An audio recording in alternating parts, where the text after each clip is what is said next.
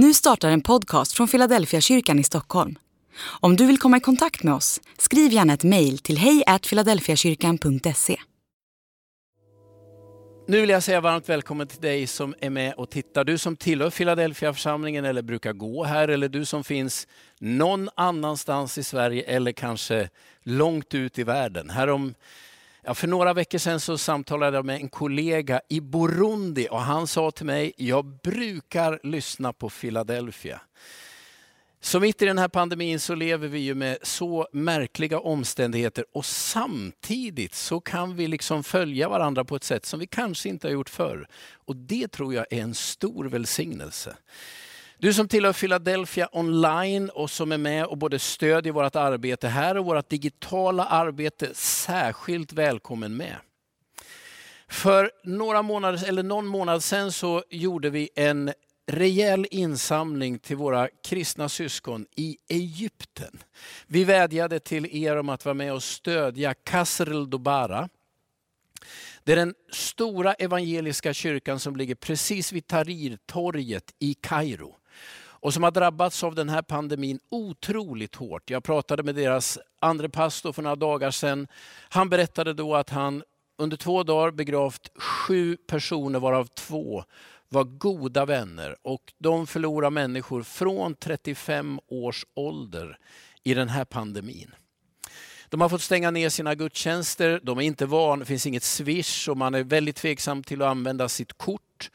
Men det stöd som ni var med och gav eh, på den här insamlingen blev faktiskt nästan 200 000 kronor. Och de kan vi skicka ner till en församling som är hårt drabbad och som nu är väldigt trängda och behöver hjälp mer än någonsin. Jag vill bara säga jättetack för det gensvaret. Jag vill fortsätta att tala om identitet. Jag tror nämligen att eh, vi är en generation, vi som lever nu, som mer än någon generation tidigare håller på att konstruera och rekonstruera vår identitet. Det är inte så att man blir till när man är tonåring in i vuxenlivet och sen är man liksom färdig. Nej, genom hela det vuxna livet så fortsätter den här processen. När jag började som pastor i Jönköping 1990 så hade vi ju ett matrikelsystem som bestod av kort. Det var ju innan digitaliseringen. Och där stod ju namn och adressuppgifter och så fanns det en kolumn med yrke. När man tänker på det idag så kan man nästan le. Men det där matrikelsystemet som ju kommer någonstans från mitten på 1900-talet var fortfarande skapat under den tid då en människa var ingenjör från början och resten av sitt liv. Eller sjuksköterska från början och resten av sitt liv. Men vi lever i en situation där, där det ju inte alls är en verklighet längre. För några är det så. Men för ganska många så innebär livet ett val av olika yrkesbanor där man liksom kryssar sig fram. Vilket är en fantastisk möjlighet.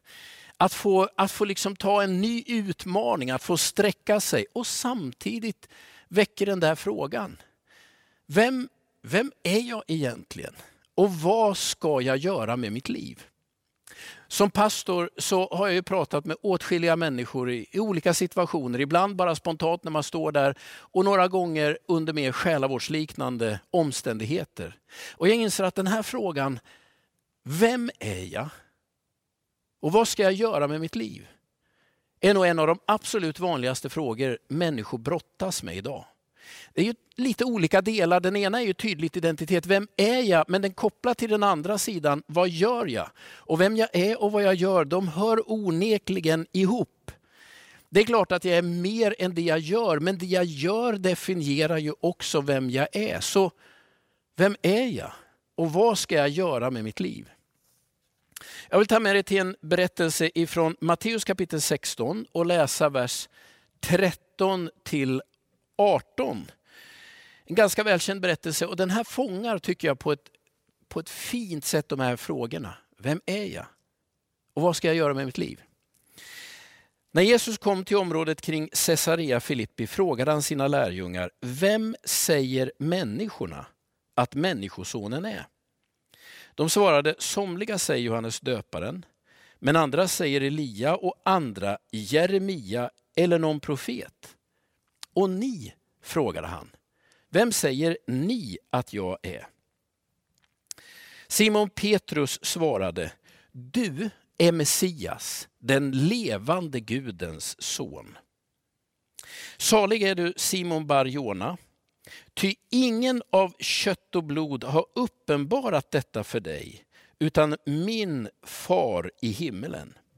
Och Jesus fortsatte, jag säger att du är Petrus, klippan, och på den klippan ska jag bygga min kyrka. Och dödsrikets portar ska aldrig få makt över den.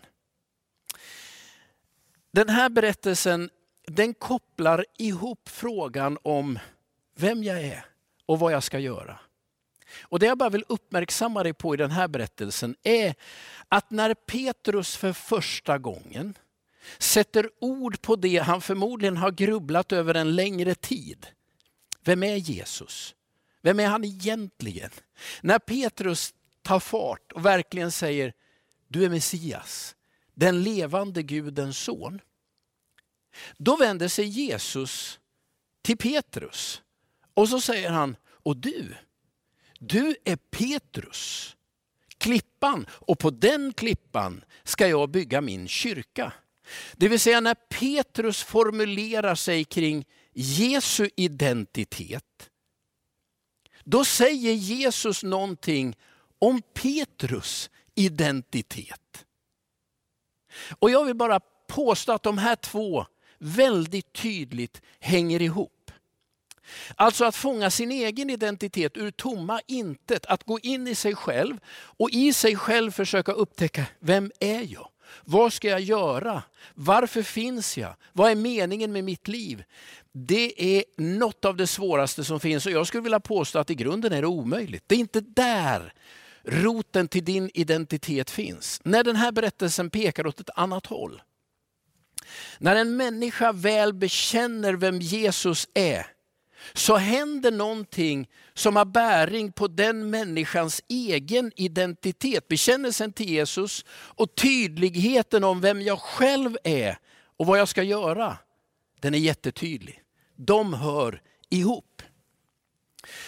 Så vad innebär det där som Petrus säger? Du är Messias, den levande Gudens son. Ja, men I grunden innehåller den några teologiska faktum. Du är Messias, det vill säga den hela det judiska folket i generationer har gått och väntat på. Det är väl så i alla kulturer att vi knyter våra förhoppningar till någon eller något.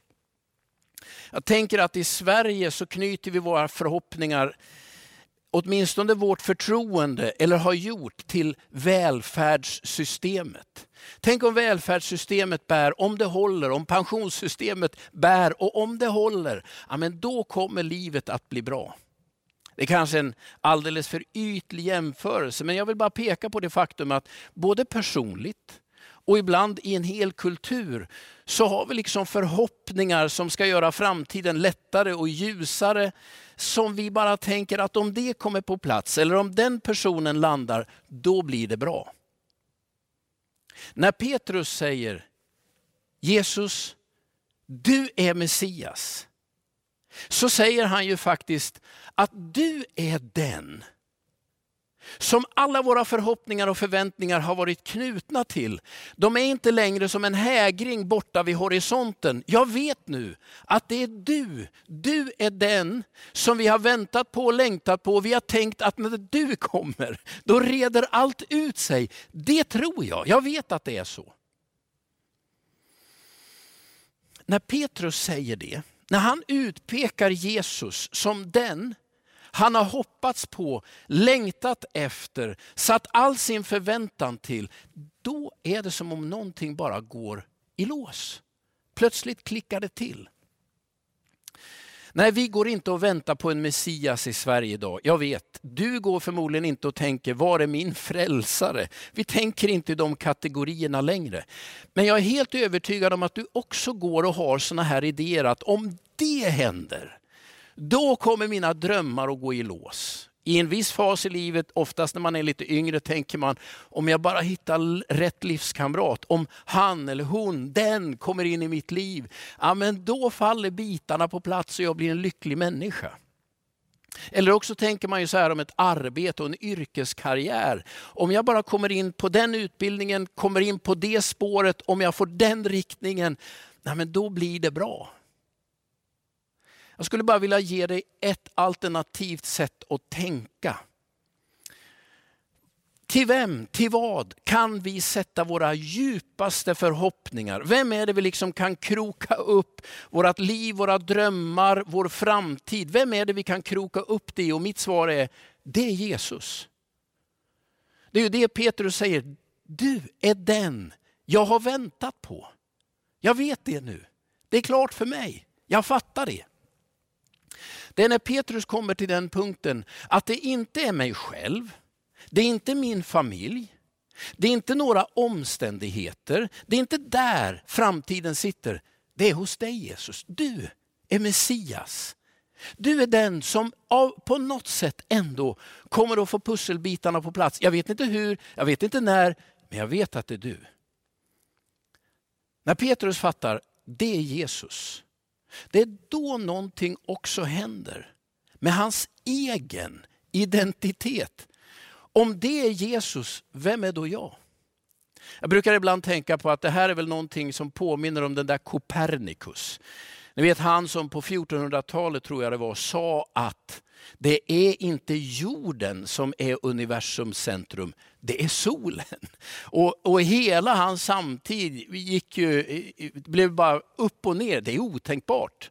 Vi har ju fortfarande rester i vårt språk när vi säger att solen går upp. Det gör den ju inte, det är jorden som roterar.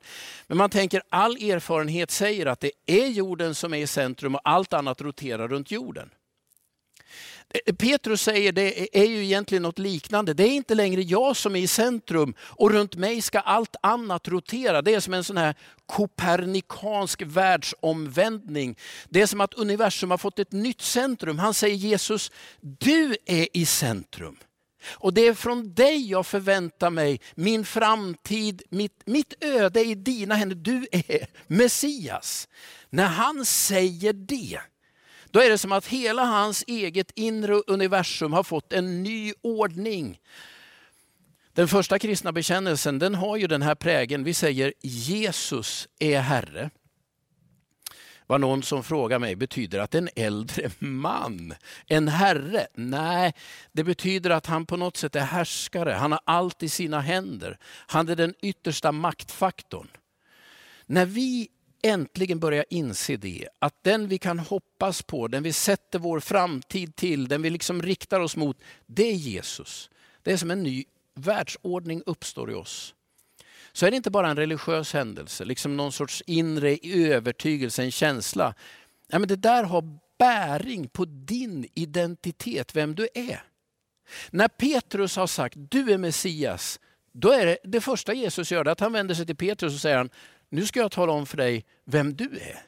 Du är Petrus, klippan. Och på den klippan ska jag bygga min kyrka. Det finns ju massor med frågor man har när man hör det där. Alltså för det första, Petrus är ju ingen klippa.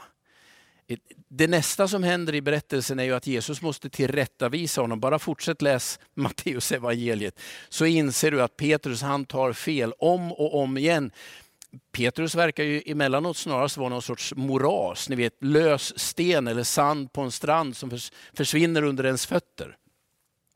Men det är ändå så att när Jesus talar in i Petrus liv så är han naturligtvis medveten om att här finns uppenbara glapp, här finns karaktärsbrister och svagheter. Men det finns också någonting, någonstans i Petrus finns någonting som jag kan bygga på. Det finns saker som kommer att falla, det finns saker som kommer att gå sönder. Men i Petrus finns någonstans en fast punkt.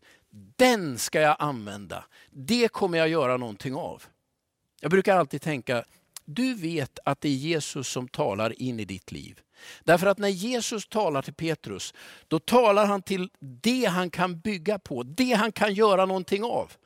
Han säger inte Petrus, du är klippan, men du kommer att svika mig. Jag kan redan nu säga tre gånger ska du förneka mig. Du kommer ta miste så många gånger. Vi får se hur det här går. Så talar inte Jesus. Utan vid det här avgörande tillfället, det här är ett helt avgörande tillfälle. När Jesus talar in i Petrus liv så säger han, du är klippan. Och på den klippan ska jag bygga min kyrka. Vi är väl alla som Petrus. Det finns, det finns saker som inte håller måttet, det finns karaktärsbrister som är problematiska, det finns svagheter som, är, som lägger fälleben för oss och för andra. Men i oss alla finns någonting som det ändå går att göra någonting av, som Gud kan göra någonting av. Och det är så Jesus talar in i Petrus liv. Det är så han också kommer tala in i ditt liv. Han kommer inte påpeka allt du inte duger till, allt du inte kan, allt du har misslyckats med.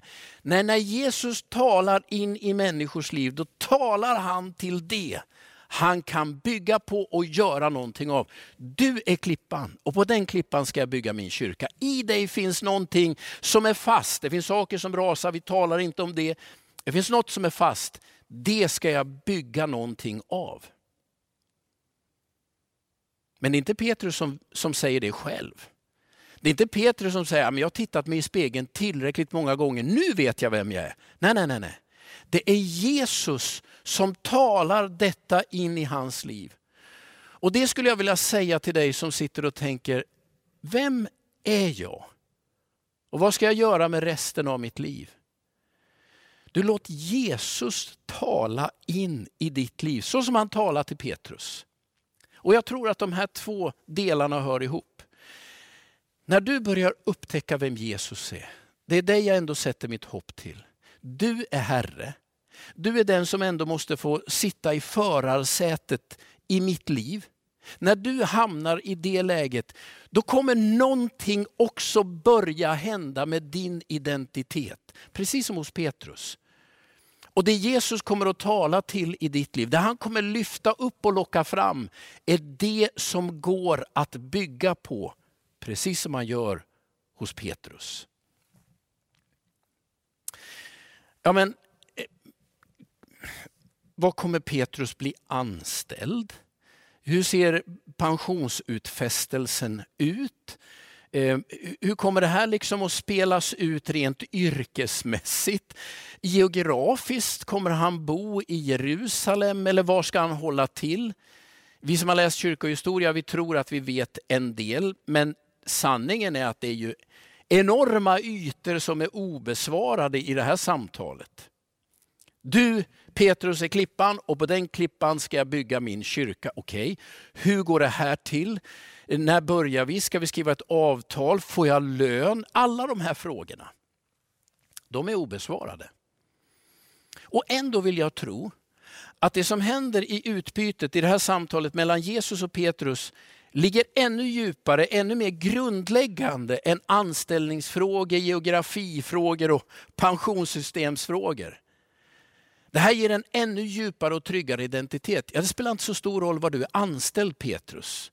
Du kan säkert bo på många olika håll genom livet, det är säkert så. Men vart du än kommer, var du än jobbar, vilka människor du än möter, kom ihåg, du är klippan på vilken jag bygger min kyrka. Så om du blir fiskare igen, om du blir vaktmästare någonstans, om du går in som lärare, om du blir anställd som pastor, du vet under alla de här olika skikten så finns någonting som är mycket djupare och mer fundamentalt. Det är en kallelse över ditt liv. Du är klippan. Jag vet att många av er funderar på utbildning, yrkesval. I pandemin är det många som har drabbats av det här otroligt tunga att förlora sitt jobb, bli utan försörjning. Och de där frågorna är angelägna, de är otroligt viktiga. Man måste få svar på dem. Det är det är enda sättet att överleva. Och Jag tror att Gud också kan leda genom sådana frågor. Men det jag, det jag inser när jag läser det här samtalet är att det Jesus talar om med Petrus här, det ligger en nivå djupare, mer grundläggande.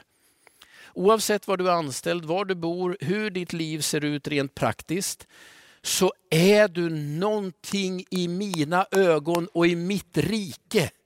Du är klippan och på dig kommer jag att bygga. Jag brukar tala om det här som kallelse. Och jag vill tro att det här inte bara handlar om pastorer eller missionärer, utan varenda människa som gör samma insikt som Petrus och säger Jesus, du är Messias.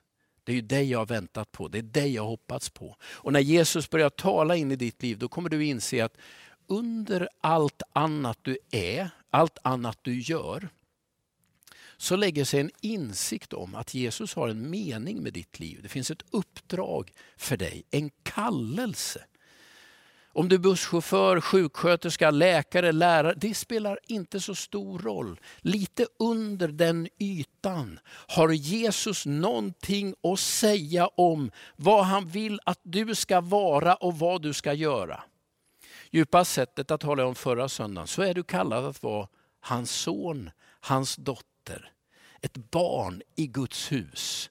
Men det finns ju också ett uppdrag, någonting du kan sätta händerna i, något du vet, det här tjänar ett större syfte. Jag brukar ibland kalla folk att komma och medverka i Philadelphia. Och I regel så är det ju jag som kallar, som har den större planen. Jag har tänkt att vi har gjort det här innan och vi ska göra det här senare. Men just nu skulle vi behöva en föreläsning om det här. Bland mina pastorer skulle jag vilja tala om ledarskap på det här sättet eller att predika på det här sättet. Eller någon ska ha ett bibelstudium om detta eller vi behöver en kurs i själavård. Eller vi behöver in någon som tar lite samtal med några medarbetare. Den jag kallar in har ju sällan hela bilden. De vet inte det jag vet. Vad har hänt innan och vad kommer att hända sen? Utan det de vet är bara, jag ska in och jag ska göra det här just nu.